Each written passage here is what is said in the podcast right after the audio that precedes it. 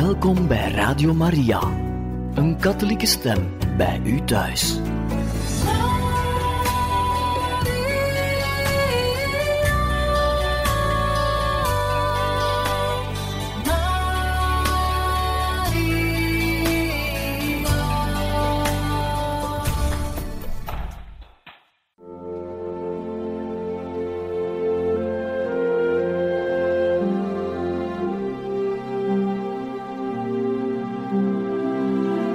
Beste luisteraars van Radio Maria, welkom bij het programma Catechismus. Een overweging bij de geloofschat van de kerk.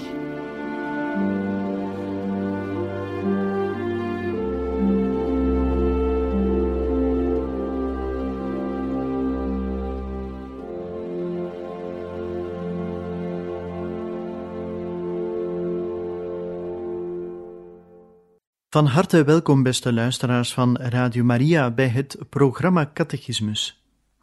Vandaag luisteren we naar eerwaarde heer Pierre François in een reeks die zal gaan over de verschillende sacramenten. We kunnen luisteren naar deze catechese over het sacrament van de biecht. Dus het hart van de mens is traag en hard. En daarom moet God eigenlijk de mens een nieuw hart geven. Het komt niet van ons. Daarom is bekering allereerst een werk van Gods genade. God kent onze harten en hij keert die harten weer tot Hem. En wat er dan gebeurt, dat is eens dat we ons hebben bekeerd, dan kijken we op naar Christus en dan beseffen we eigenlijk hoe lelijk pas onze zonden zijn. Is niet omgekeerd eerst dat wij zien, goh, wat ik gedaan is, heb is niet zo mooi. Het is anders. God geeft ons zijn liefde, daardoor ervaren wij zijn barmachtigheid en beginnen te zeggen, och, kijk eens hoe ondankbaar dat ik ben. Laat ons een beetje kijken hoe het sacrament van boete en verzoening in zichzelf werkt. Het is van kapitaal belang allereerst dat wij begrijpen dat een zonde een belediging is van God. Het is niet een technische fout, een oeps-gevoel. Het is echt het verbreken van een gemeenschap met hen. Het is het kapotmaken van onze relatie van vriendschap, meer nog van filiatie ten opzichte van God die onze Vader is. En was dat dan niet erg genoeg? De zonde tast bovendien nog de gemeenschap met de kerk aan.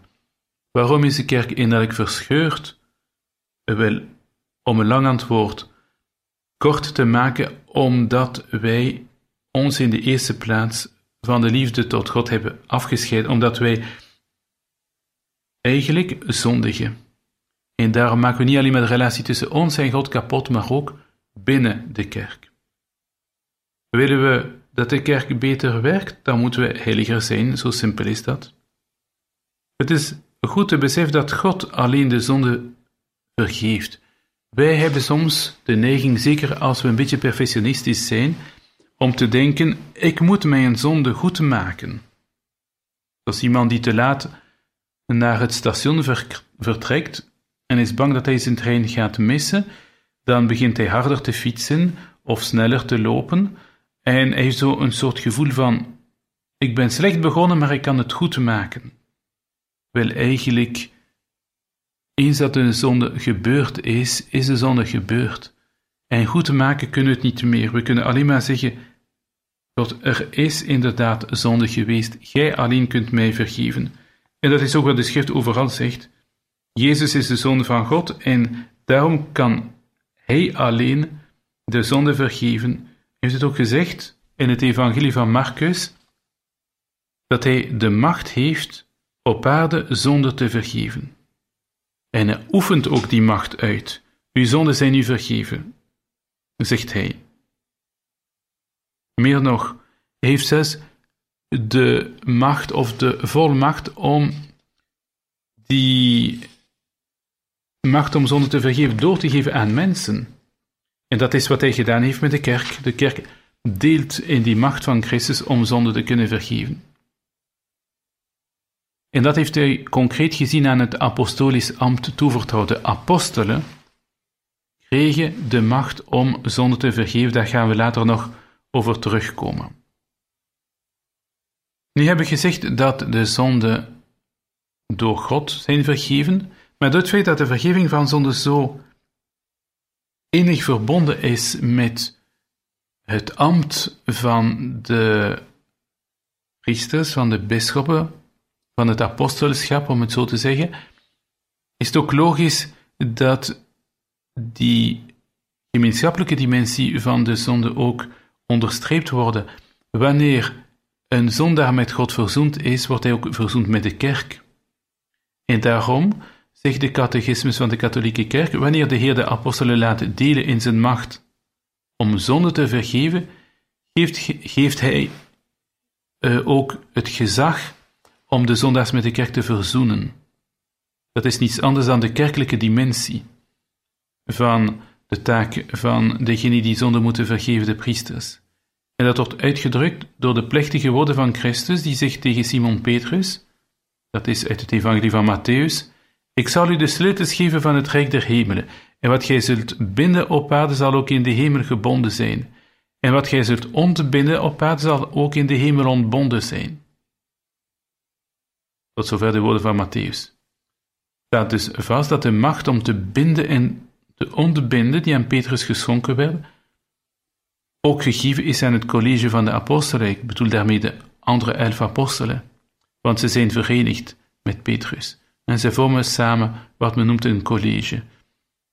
Wel, de woorden binden en ontbinden, en dat zegt de kerk met gezag, dat betekent wie u uit de gemeenschap uitsluit, zal ook uit de gemeenschap met God uitgesloten worden. Wie je opnieuw in uw gemeenschap opneemt, zal ook God weer bij zich opnemen. Wat is de logische conclusie? Wel deze: de verzoening met de kerk is niet te scheiden van de verzoening met God. Dus als iemand zegt: God ja, de kerk nee, die persoon uh, zit niet in de lijn van wat, we, van wat we hier uitleggen, want wij zeggen exact het tegenovergestelde. Indien God, dan de kerk. Indien nee aan de kerk, dan is nee tegen God. Het is belangrijk dat we dat beetje bij beetje zouden begrijpen in de loop van deze catechese. Die verzoening met de kerk gebeurt door een sacrament. Bepaalde mensen zien een sacrament als iets heel heiligs en daar hebben ze gelijk in. En dus willen ze met dat sacrament zo zuiver mogelijk uh, omgaan. En dan beginnen ze te dromen van de perfecte, de ideale, de volmaakte biecht. Maar ze vergeten één ding, dat is dat Christus het boek, de sacrament, heeft ingesteld ten behoeve, luistert goed, van alle zondige leden van zijn kerk. Het is dus logisch dat iemand die gaat biechten per definitie bijna onmogelijk een perfecte biecht kan doen. De biecht is er voor de zondaars en dat moet enorm aanmoedigend zijn te weten dat, ook al heb ik veel miserie die ik op mijn schouders draag, de biecht is gemaakt voor mij omdat ik een zondaar ben en de biecht is gemaakt voor de zondaars, niet voor de brave jongens en meisjes die alles perfect doen. De kerkvaders hebben een heel sympathieke analogie gegeven um, in verband met de biecht en in verband met het doopsel. Ze zeggen, het sacrament van de biecht is de tweede redplank van het heil na de schipbreuk, het verlies van de genade. Wat bedoelen ze daarmee? Wel heel simpel. Elke zon is een beetje schipbreuk lijden. De eerste keer dat wij met God zijn verzoend, gebeurt dat door het doopsel. Dat is onze eerste redplank. Maar wij weten uit ervaring dat we meer dan een keer schipbreuk kunnen leiden in het leven, in onze grote overtocht van dit leven. En daarom is de biecht gemaakt eigenlijk voor die, om die nieuwe kans te geven aan de mensen en die kunnen zoveel gebruiken als we willen.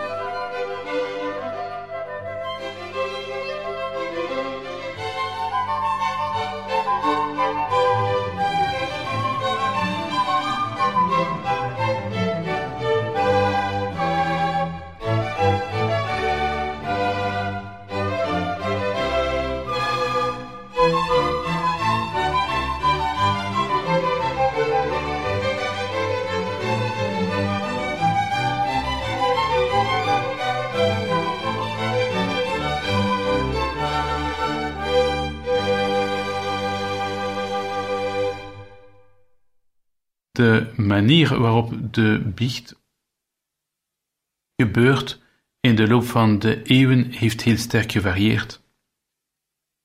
Al is de fundamentele structuur altijd hetzelfde geweest,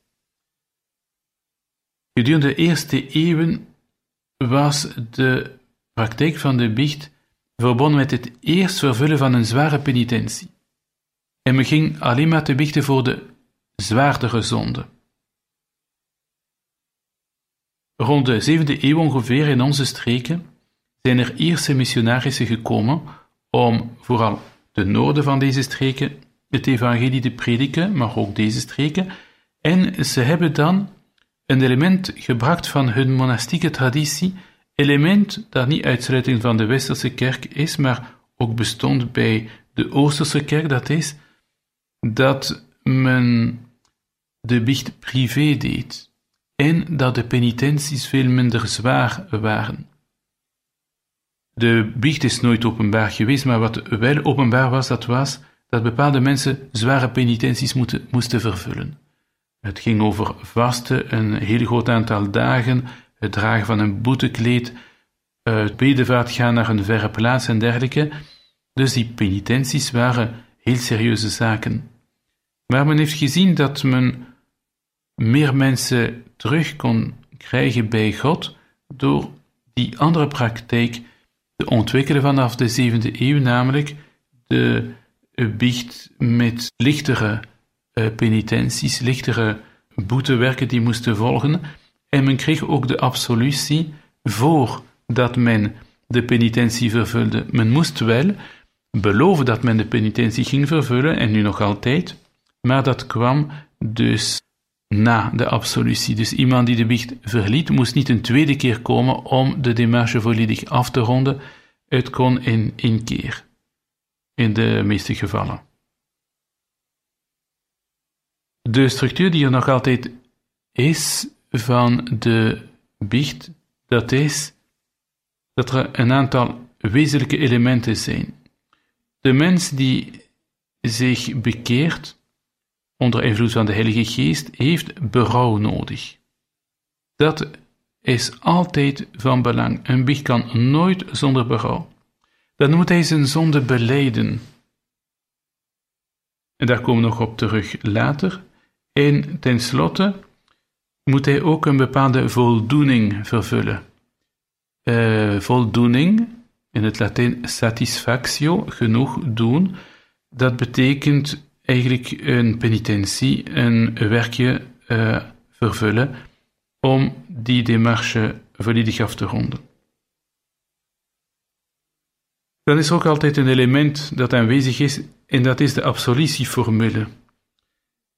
De formule die in de Latijnse kerk gebruikt wordt, brengt al die wezenlijke elementen van dit sacrament tot uitdrukking. Men spreekt van de barmachtige Vader, dat hij bron is van vergeving, en het brengt ook samen het feit dat er verzoening is met de kerk en een dienstwerk van de kerk die daarvoor tussenkomt.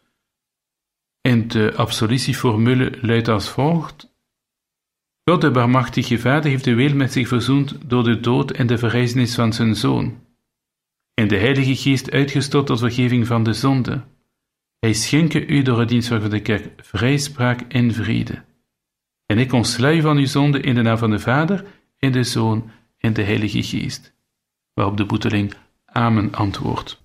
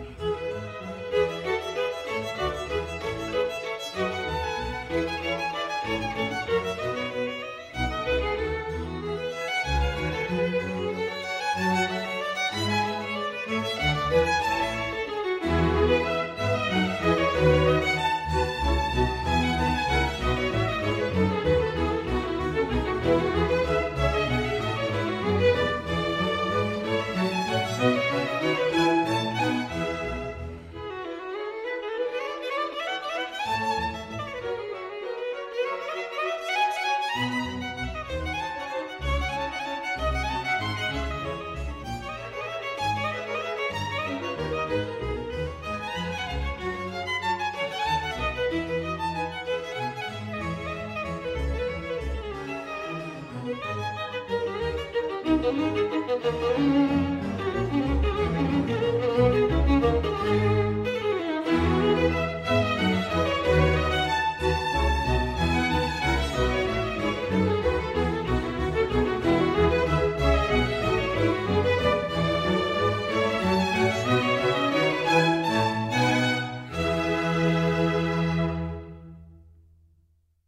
zo zijn we aan het einde gekomen van deze catechese over de biecht.